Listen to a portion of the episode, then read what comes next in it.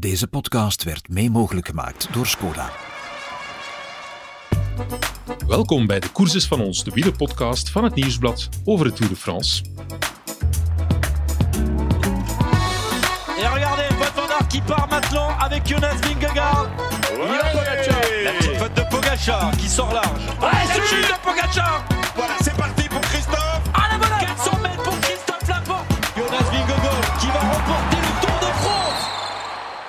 Voilà, we hebben de eerste bergrit gehad in de Pyreneeën, heel vroeg al. En vooraf wordt er dan heel veel gespeculeerd.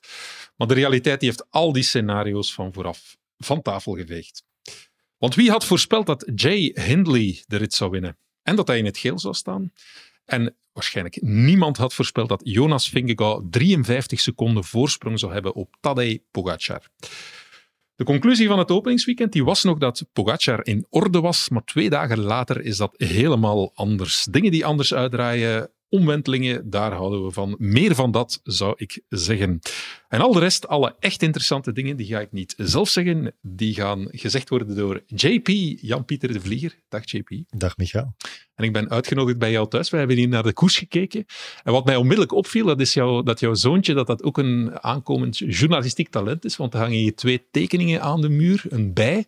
En daar staat bij, mijn mama is bijzonder. En dan ook, papa, jij bent een eentje uit de duizend. Met een tekening van een eend. Amai, woordspelingen van een driejarige. Fantastisch. Ja, uh, hij is inderdaad drie jaar, dus ik denk niet dat hij dat allemaal uh, zelf bedacht heeft. Er is zo'n heel arsenaal aan vader- en moederdag uh, woordspelingen. Ik denk ja. dat er veel vaders zijn die een steen hebben liggen thuis waar dan op staat, mijn papa is een kei. ja. Maar het maakt niet uit hoe flauw of het ook is. als vader doet het toch altijd plezier om dat te krijgen. Oké, okay, voilà. Ja. We gaan eens luisteren naar iemand die zijn woorden waarschijnlijk zelf bedacht heeft. Jonas Vingegaard na de etappe van vandaag. Uh, yeah, so first of all, the plan was to have a few guys in the break, uh, or yeah, one guy or two guys. We ended up with three guys in the break. Uh, to have a satellite rider, um, more in some kind of defense actually, because yeah, we think that this is not the, the perfect stage for me. but yeah, then when they when they started riding on the last climb, I had the feeling I, I had good legs. So then I I uh, said to Seb that yeah maybe he goes on the front and then uh, he did and uh, I decided to attack. Ja, toch wel opmerkelijk. Um, er werden renners vooruitgestuurd bij Jumbo-Visma, onder andere Wout van Aert, Tish Benoot.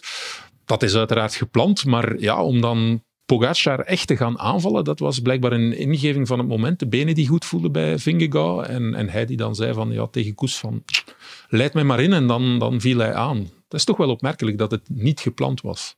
Ja, uh, laten we zeggen dat het misschien niet slecht is dat de microfoons nog niet aanstonden terwijl we samen naar de etappe keken. Want uh, er is al vaak voortschrijdend inzicht geweest bij de tactiek van, uh, van Jumbo. Ja, klopt. van Aert zei na afloop, we wilden de koers hard maken. Ik denk dat dat een klein beetje samenvat, of dat dat toch wel de, de, de lading dekt bij wat we allemaal gezien hebben. Maar ja, het was soms moeilijk te begrijpen, want ze zaten met drie mee in die, uh, in die groep vooraan.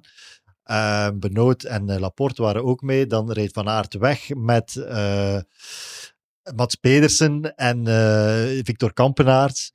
Het was niet altijd duidelijk wat precies het plan was. Wilde Van Aert nu voor de ritzee gaan? Ja, of vond hij dat het niet snel genoeg ging in die, in die groep?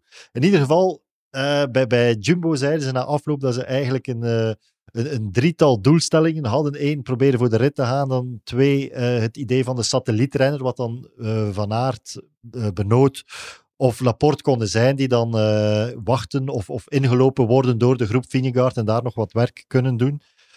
Dus ja, de ritzege is niet gelukt. Dat de satellietrenner zijn is ook niet echt gelukt.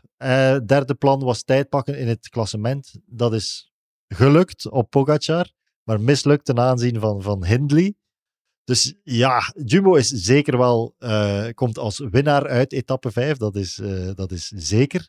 Maar het is niet uh, dat er een soort masterplan, dat we dat zien ontrollen of zich ontvouwen hebben voor onze ogen. Het was eigenlijk de benen van Vingegaard die ervoor gezorgd hebben dat op het einde toch alles min of meer klopte. Ja, want onder andere Benoot, ja, die werd dan, de laatste call was de Marie Blanc, maar die werd eigenlijk voor de top gegrepen door Vingegaard. Dus wat anders had hij inderdaad nog kunnen pacen, maar dat was totaal uh, niet het geval. Vingegaard stond er alleen voor. Ja, wel een, een serieuze optater hè, voor Pogacar. Uh, 53 seconden staat hij nu achter in het algemeen klassement. Verloor meer dan een minuut, want hij stond voor natuurlijk met de, de boni-seconden. Ja, wat moeten we daarvan denken? Want na het uh, openingsweekend was de eensluidende conclusie, er zullen misschien uitzonderingen zijn, maar ik denk dat heel verstandige mensen gezegd hadden, Pogacar is in orde. Dat was, dat was wat iedereen dacht. Ja, blijkbaar dan toch niet. Ja, ik reken mijzelf er ook bij, bij de mensen die dachten dat Pogacar in orde was. Ik, denk ik dat ook trouwens, uh, GP. Dus, ah, kijk, dat is je bent een goed gezelschap. Ja. maar ik denk dat we een beetje gevallen zijn voor de, de flair die de, de renner Pogacar uh, heeft. Hij, lijkt alles zo, het lijkt allemaal zo makkelijk te gaan bij hem. Je zag hem uh, in die eerste etappe sprinten voor, voor bonusseconden. Daarna kwam hij dan als eerste boven, zette zijn aanval ook nog, nog door. Hij had al eens ereplaatsen uh, gehaald. Dat, dat leek allemaal te wijzen op een renner die, uh, die overschot had. Ja. ja, maar bij Jumbo-Visma zullen ze daar toch wel al een beetje doorheen kijken, hè, denk ik. Want bijvoorbeeld de Tour van vorig jaar, de Granon, de bewuste etappe waar hij echt gekraakt werd, aan de voet van die kol waar hij de Tour verliest, ja, zat hij nog te dollen met de camera en leek het ook alsof uh, wij thuis dachten van die man heeft overschot en nooit van zijn leven gaat hij hier weggereden worden. En toch toch gebeurde dat. Dus ik denk dat ze bij Jumbo-Visma daar ook wel een klein beetje doorheen kunnen kijken en dat ze, ja, dat ze wel wisten dat ze daar niet moesten intrappen. Hoewel Vingegaard tijdens het weekend wel een beetje nerveuze indruk maakte. Hij reed enorm op het wiel. Je zou kunnen achteraf zeggen, zeer geconcentreerd enzovoort. Maar ja, kijk, uh, het is toch niet de eerste keer uh, dat we er doorheen ja, moeten kijken en kunnen kijken hè, door, uh, door Pogacar. Klopt. de verhaallijn was een beetje of de teneur was dat uh, heel relaxed door de Tour ging en dat Vingegaard uh, gestresseerd was. In de etappe naar Nogaro zag je hem ja, plots zijn, zijn hand van zijn, van zijn fiets halen omdat er iemand van Bahrein te dicht in zijn buurt kwam. En dan zag je hem in die laatste drie kilometer, waar hij eigenlijk wel safe is, ook nog naar het wiel van Mohoric springen om een of andere reden. Het, wezen op, op een soort zenuwachtigheid die je bij Pogacar niet ziet. Maar ja, dan blijkt de realiteit helemaal anders te zijn. En inderdaad, Jumbo, als ze al niet door al uh, de, de flair van Pogacar heen kijken, dan waren ze misschien uh, net geprikkeld door de, de uitlatingen die hij gedaan had ten, ten aanzien van uh, Van Aert. Vertel, al, ja. het is bekend. hij had de irritatie of de frustratie van Van Aert geïmiteerd ja, door hij zei, Van Aert gooide als een kind met zijn bidon. Ja, hij deed het ook na. Ja, een soort van, uh... Inderdaad. En dan de etappe nadien, eh, waar eh, Van Aert moest inhouden in de sprint met Philipsen, was de analyse van Pogacar. Ja, Van Aert had gewoon de benen niet. Ja, ja. Dus ja, dat is toch een beetje met, met een stok zo in, in de rug van, van een beer zitten, zitten te prikken. En ik denk dat hij daar, ja, hij zal dat allemaal wel zonder, zonder grote ideeën doen of zo, maar misschien moet hij het gewoon uh, achterwege laten. Ja, dat prikkelt wel iemand. Hè. Het is natuurlijk wel straf dat uh, dit onderneemt, want het verhaal is altijd wel geweest, en dat hebben ze zelf bij de ploeg toegegeven ook, dat Vingegaard eerder timide type was. Uh, en hij heeft daar blijkbaar enorm aan gewerkt. Dus bij Jumbo-Visma elk jaar op het einde van het seizoen zitten ze met de rennen samen, kijken ze nou, vragen ze echt op de man af aan de rennen, wat wil je verbeteren? En blijkbaar was al een aantal keer het, werkpunt dat Vingegaard zelf aangegeven had, namelijk zijn, zijn timide karakter enzovoort. En blijkbaar hebben ze daar enorm aan, aan gewerkt. Ik neem aan ook met uh, sportpsychologen en dergelijke meer. Maar dan vind ik het wel straf dat hij in deze etappe, waar aanvankelijk misschien niet het plan was om aan te vallen, dat hij voelt, mijn benen zijn goed.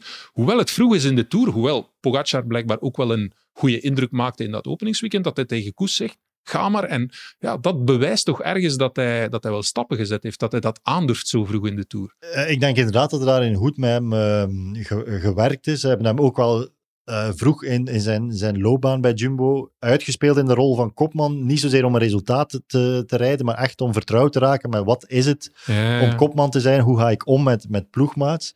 En ook ja, die, die, de juiste beslissingen nemen op het juiste moment. Maar nog een keer, uh, de benen hebben altijd het laatste Tuurlijk. woord. Ik denk dat hij zoveel meer zelfvertrouwen heeft van zodra dat een beetje bergop begint te gaan, dan, dan als hij in dat zenuwachtige gedoe op het vlakke zit. Dat speelt uiteraard ook mee. Maar hij durft inderdaad wel de koers of de, de koe bij de horens vatten en uh, het moment grijpen als het zich aandient. Is het, twee, het tweeduel al voorbij? We moeten natuurlijk met twee woorden spreken, want deze podcast, uh, ja, er volgt weer een bergrit natuurlijk, uh, over het Tourmalet onder meer. Maar uh, ja, dit is toch wel een zware klap. Ja, ja, ontegensprekelijk. Ja. Eh, Mijn idee is altijd een beetje dat eh, in, in het wielrennen van deze tijd, dat je zo zelden nog grote omwentelingen ziet. Eh, een, ja, Froome heeft het een keer gedaan in de, in de Giro van 2018. eh, vanuit een soort geslagen positie nog eh, in één rit alles omgekeerd. Maar ik heb het nog maar weinig meegemaakt. De, de krachtsverhoudingen van de eerste week zijn vaak ook die van, Ja. van de laatste week. En ja, het is natuurlijk flauw om te zeggen dat de, de koers nu gereden is of dat de Tour gereden is. Dat is natuurlijk eh, nonsens. Maar eh, de, de tweestrijd Vingegaard-Pogacar, waar we zo naar uitkeken, ja, eh, het, zal niet, het zou kunnen dat het veel minder close is dan, dan we denken. Wat ik ook een veeg teken vond, was oké, hij lost op de Marie Blanc, maar dan heb je die afdaling en dan heb je dat vlakke stuk. En ja, Pogacar zette zich ook echt in het wiel van anderen die, die het kopwerk deden. En zelfs helemaal op het einde ze dat dan nog even proberen uitkomen, maar eh, wint daar zelfs een sprint Ja, ook niet. ja. Maar ja, een renner die echt nog een beetje de benen heeft, die nog een beetje strijdvaardigheid heeft, die, die, doet veel meer kopwerk in die achtervolging. En hij zette zich daar echt in het wiel, dus het is echt niet goed. Hè? Op het vlakke, in de afdaling. Hm. En en Pogacar die achterop raakt door, door eh, een lekke band of, of door een incident. Die Ja. is de motor van die achtervolging. Voilà, die, inderdaad, Die, eh, ja. ja, die voert dat aan en Ja, die wint ook die sprint. Ja. Dus het was wel echt duidelijk dat hij die benen niet had. Maar dat komt niet uit de lucht vallen, zoals we gezegd hebben. Ja, we zijn een beetje verblind geraakt door die eerste vier dagen. Hm. Eh, maar ja, er, er was veel voorbehoud natuurlijk. Hè. Ja. Eh, Pogacar heeft, heeft eh, niet de voorbereiding gehad die hij had moeten hebben. ja, voor de mensen die het vergeten zouden zijn, hè, de pols in luik bastenaken luik En dan een tijdje van de fiets gebleven. Natuurlijk kan je op de rollen trainen enzovoort. Maar jij had een theorie van ja, die, die pols en vooral het feit dat hij op de rollen moeten gaan is en dat die voorbereiding verstoord heeft, heeft ervoor gezorgd dat hij niet op hoogtestages kunnen gaan. Of wel kunnen gaan is, maar niet, niet lang genoeg. Wel, eh, het is een beetje haastwerk geweest, denk ik, de voorbereiding van, uh, van Pogacar. Hij is een week uh, echt wel van de fiets geweest. Mm. Uh, want dan vroeg hij tips voor Netflix-serie aan zijn volgers ja. op, op Instagram. Dus dat was echt wel platte rust. Eh, daarna had hij blijkbaar wat problemen om te trainen op de rollen, omdat zijn, ehm, de brace die hij droeg aan eh, zijn pols, dat hij hem niet toeliet om echt comfortabel op die fiets te zitten. Dus die tweede week eh, na het ongeval was ook niet goed na trainingsload. Ja. Hij heeft gezegd dat hij in die week zich het meest zorgen maakte van ga ik de Tour halen of niet. En daarna heeft het nog tot 27 mei geduurd uh, voor hij buiten kon gaan trainen. Dus ja, uh, naar volume is dat sowieso beperkt geweest in, die, in de maand mei. En uh, hij is zeer snel nadat hij buiten mocht trainen op hoogtestage moeten vertrekken. Maar omdat hij ook nog verkenningen gepland had in de, in de Alpen, is die hoogtestage uh, een klein beetje op en af geweest. Is hij na tweeënhalve week in uh, Sierra Nevada al moeten vertrekken. En ja, mensen die er meer van af weten dan mij, die vinden dat ook wel heel kort. Ja.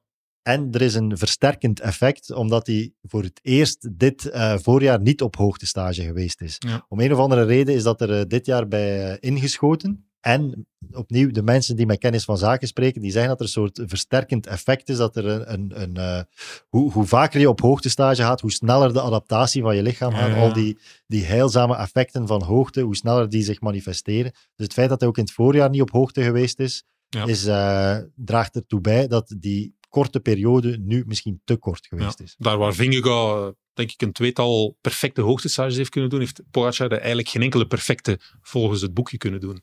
Mijn mening, en dus ook niet meer dan dat, maar ik denk dat dat misschien wel Ja, meespeelt. dat is inderdaad wel uh, iets om te onthouden. We gaan even luisteren naar een boodschap. Je gezin is net als een wielerploeg. We moedigen elkaar aan. En we weten dat we met de tips van onze ploegleider we alle kansen hebben om echte kampioenen te worden. Skoda, supporter van de grootste fietsfamilie.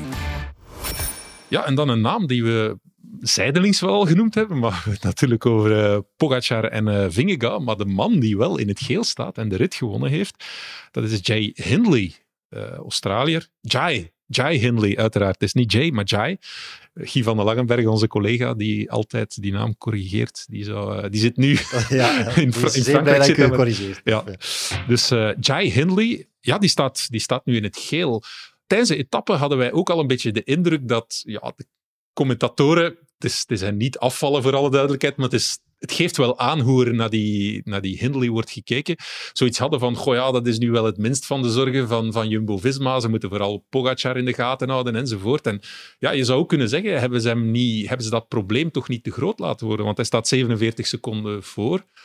Goh ja, die, die pakken we wel. Maar het blijft wel iemand die al een grote ronde gewonnen heeft. Hè? En ook al eens tweede geworden is in de Giro. Dus het is zelfs niet eens een eendagsvlieg. Is dat toch niet een, een echt gevaar?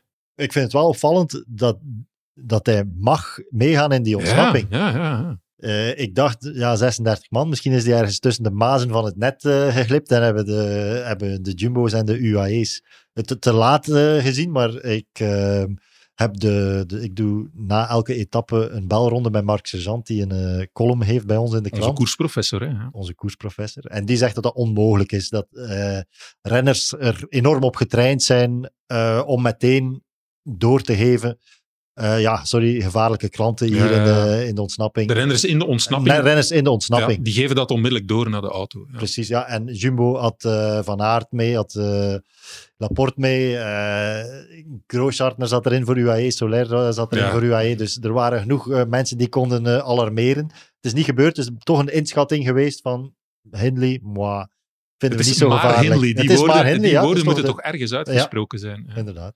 Ja, en zou dat, ik weet niet of je al een beetje verdiept hebt, maar zou dat een onderschatting kunnen zijn? Of zitten ze toch wel safe met die inschatting? 47 seconden. Ik zie daar nu ook niet direct een toerwinnaar in, maar ook niet iemand die je minuten cadeau, cadeau doet. Ja. Het is zo een, een, een figuur die bijna door zijn manier van, van zijn, uh, ja, leidt het ertoe dat je hem gaat onderschatten. Ja. Het is iemand als je hem afzet tegen zo de, de toptalenten van het wielrennen, tegen de Pogacars, uh, Vingegaard, Evenepoel, uh, die, die met faam, enfin, Vingegaard nog het minst van al, maar die toch snel uh, een topniveau halen.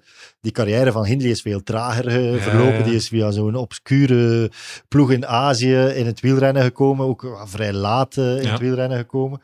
Dus ja, ik denk dat het allemaal een beetje toe bijdraagt om die niet helemaal naar waarde te schatten. En ja, eh, de Giro gewonnen, maar ja, was dat wel tegen zo'n sterke tegenstander. Ja. ja. het is ook wel zo op een, op een... Hij heeft vrij laat ook de leiding genomen, helemaal op het einde eigenlijk. Hè. En de Giro die hij dan verloor, was ook op het einde ja, dat hij... Dus ja, hij heeft, het is niet dat we hem uh, dagen aan een stuk in de roze gezien hebben. Het, was, het bleek plots dat die Giro dan gewonnen was door Hindley. Zoiets was het eigenlijk. Hè. En het is ook geen, geen, geen uh, persoonlijkheid die enorm opvalt. Nee, uh, nee, nee. Uh, dus in 2022, toen hij de Giro won, maakte onze collega Stijn Joris een portret ervan. En die ging dan bij ploegmaats uh, van uh, Hindley vragen van, ja, wat voor iemand is dat en wat ja, is zijn ja, meest ja. uitgesproken karaktertrek? En dan uh, Zwieghoff, een ploegmaat, zei, oh ja, het meest opvallende aan hem is dat hij zo normaal is. oei, oei. dus het is ook niet door zijn persoonlijkheid dat de mensen gealarmeerd nee. gaan zijn. Ja, het is uh, Australiër en blijkbaar, ik heb nu mij een beetje verdiept in zijn verhaal. Uh, zijn vader was een grote koersfan, was zelfs fan van uh, Eddy Merckx en Patrick Sercu. Dus, ja, Wie niet? Ja, wie niet? Maar toch, als Australiër is dat wel bijzonder. En uh, het is zijn vader die hem eigenlijk op de fiets gezet heeft op zijn zeven jaar. Maar dan blijkbaar zijn moeder had hem toch wel uh, ergens gezegd dat teamsport misschien wel niet slecht zou zijn voor de ontwikkeling van de vrij timide Jai.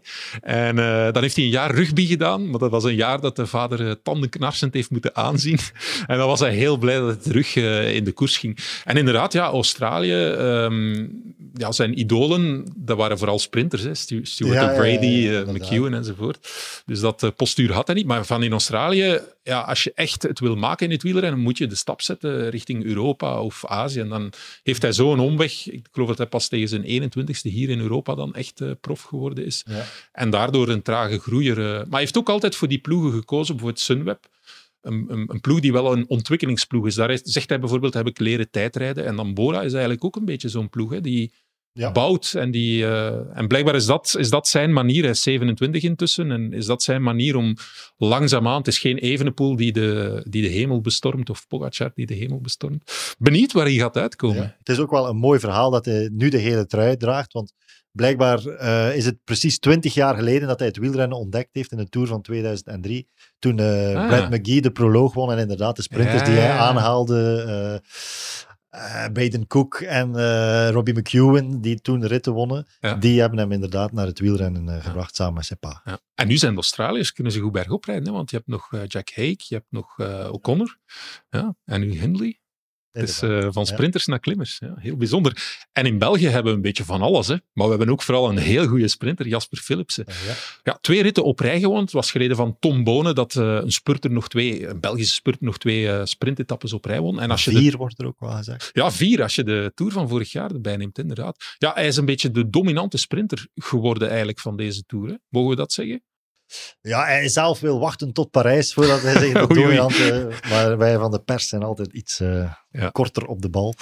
Uh, maar ik vind, ja, je mag, je, mag dat wel, je mag dat wel zeggen met een beetje voorbehoud, want uh, de tweede sprint in Nogaro, die had hij niet gewonnen zonder Mathieu van der Poel. Dat ja. is ook wel een feit. Maar Philipsen is zeer, zeer. Bedoel je dan de schouder of de elleboog van Van der Poel of de goede lead-out? Ja, beide waarschijnlijk vooral toch de goede lead-out. Uh, het is eigenlijk fenomenaal van hoe ver dat uh, Van der Poel komt en mm. hoe dat hij dan nog uh, Philipsen naar voren weet te brengen. Het is alle, alle kwaliteiten van Van der Poel die daar samen gaan, die, die snelheid die hij heeft, die, die ja. inspanning die hij zo lang kan volhouden. Dan ook nog dat, dat goed piloteren, want ja, uh, misschien was het een beetje over de schreef met de elleboog uh, bij, of het was, het was niet de elleboog, het was de schouder, schouder bij uh, Biniam Girmay. Girmay zelf tilde er niet zwaar dus het zal op zich allemaal wel meevallen en moeten toch vooral onthouden dat het een enorm uh, sterk nummer was. Ja, specialisten zeggen dikwijls, want inderdaad, heb ooit nog discussies gehoord van Cavendish met die kwakjes en zo, dat dat in het peloton soms anders bekeken wordt. Specialisten zeggen van, ja, die, die duw van Van der Poel, dat was een duw richting een renner die eigenlijk heel veel ruimte had om naar links uit te wijken. En in dat geval wordt dat minder in het peloton dan, minder zwaar gewogen dan uiteraard een duw als je dat helemaal aan de nader doet of, of in een peloton waar iemand niet, niet kan uitwijken of niet de beweging naar links kan maken. Maar blijkbaar, ja, als je met de schouders zo van bodycheck en er is genoeg ruimte, ja, fijn. Van der Poel is gedeclasseerd geworden. Ja. heeft 500 Zwitserse frank boete, is dat dan altijd gekregen. Maar ik denk niet dat hij daar wakker zal uh, van gelegen hebben. Hè. Nee, dat denk ik, uh, dat denk ik ook niet. Ja, dat is eigenlijk een, een straf pro forma ja. een beetje. Ja. Het is niet alleen Van der Poel hè, die in die trein zit en die goed is in die trein. Jonas Ricard nee, Jonas bijvoorbeeld. inderdaad. En dat is ook een... een mooi, mooi verhaal. Iemand die van ongelooflijk ver eh, terugkomt. Mhm. Die uh, heel lang gesukkeld heeft met een vernauwde liesslagader. Wat dan uh, ja, voor een, uh, een, een, groot krachtverlies zorgt in, in een bovenbenen. Het is een blessure die veel wielrenners hebben. wat de sleutelbeen is voor het bovenlichaam. Dat ja. is de vernauwde liesslagader voor, voor de onderbenen. Uh, bijvoorbeeld Victor Verschaven, die is uh, bij Lotto Destiny moeten stoppen, omdat hij daar uh, ja, een beetje ten einde raad alle mogelijke behandelingen, operaties ondergaan heeft en geen oplossing vond. En Ricard is, lijkt er nu wel van verlost, maar zegt zelf dat hij ja, elke dag vreest om te hervallen en dat hij elke minder gevoel op de fiets meteen daar aan linkt in zijn hoofd. Dus het is uh, wel knap dat hij op dit niveau presteert in uh, de Tour de France. Ja. Heeft hij dan ook op een bepaald moment, want ik geloof dat hij twee keer eraan geopereerd ja, De eerste operatie was dus, ja. op een bepaald moment zal hij ook gewoon gedacht hebben van hopelijk kan ik nog wielrenner zijn. Ja, ja zeker. Vast, zeker. Wat vind je van Philipsen zelf? Want hij, hij blijft stappen zetten. Hè? De eerste Tour uh, haalde hij continu podiumplaatsen. Dan de Tour van vorig jaar moesten we lang wachten en nu scoort hij al onmiddellijk. Hè? Dan wordt gezegd als de renners fris zijn. Het, is, ja, het wordt altijd maar beter en beter en dan mogen we zijn voorjaar ook niet vergeten.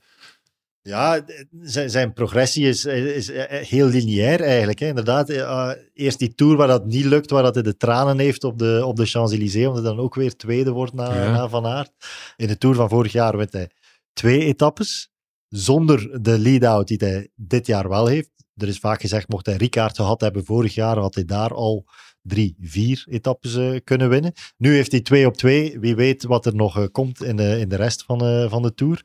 En ja, het is toch ook weer een renner die uh, Alpes in de Keuning heel op, op het juiste moment heeft aangetrokken. Want toen Philipsen bij UAE zat, stond het aandeel niet zo heel hoog. Nee, en ze hebben daar veel tijd in geïnvesteerd en nooit nooit het vertrouwen verloren, want het ging echt niet van meteen goed. Nee. En ook in het voorjaar heeft dat lang geduurd voordat je Philipsen zag op het niveau waarin iedereen hem verwachtte. Ja. En op een bepaald moment ja, is dat ook samen in de ploeg met Merlier. Ze hebben daar ook een heel duidelijke keuze gemaakt. Hè? Want op een bepaald moment zaten ze toch een klein beetje elkaar voor de wielen te rijden. Ja, dat is net op tijd de angel wel. Maar dan, ja, je moet wel sterk zijn om gewoon Merlier te laten vertrekken. Want dat was ook gewoon een goede spurter. eh. ja. ja, de Ja, broers, klopt. Ze hebben daar, daar de, juiste, de juiste keuze in gemaakt, zeker. Pluim voor de broers Roodhoofd. Ja. Die, En eh, blijkbaar die combinatie van der Poel, eh Philipsen al- als lead-out van Van der Poel, dat is een beetje eh, per ongeluk bijna gebeurd. Dat was in Tirreno Adriatico. Hadden ze niet. Ricard was nog geblesseerd op dat ja, moment. ja, ja, ja. En eh, ehm, Ramon Sinkeldam was iets te nieuw in de ploeg om hem nu meteen in die rol te steken. Dus dachten ze, ja, wie dan maar? Ja, alles kunnen Van der Poel. ja, dat werkte meteen zeer goed. Hij lijkt er nu ook van te genieten. Hè? Het is echt de band of brothers. hè. Ja, ja, ja, inderdaad. inderdaad ja. Heel knap allemaal. Goed, eh, dat belooft heel veel voor de, de Tour die komt. Zowel het klassement wat we besproken hebben, Jai Hindley en dan uiteraard onze Jasper Philipsen. Heel benieuwd wat dat allemaal gaat geven. JP, GP, bedankt voor vandaag. Graag gedaan. En eh, ja, dat was het voor vandaag. Zondag zijn we er opnieuw met Café Koers, live tijdens de etappe met onze analisten. Dan kan je dat volgen in de app van het Nieuwsblad.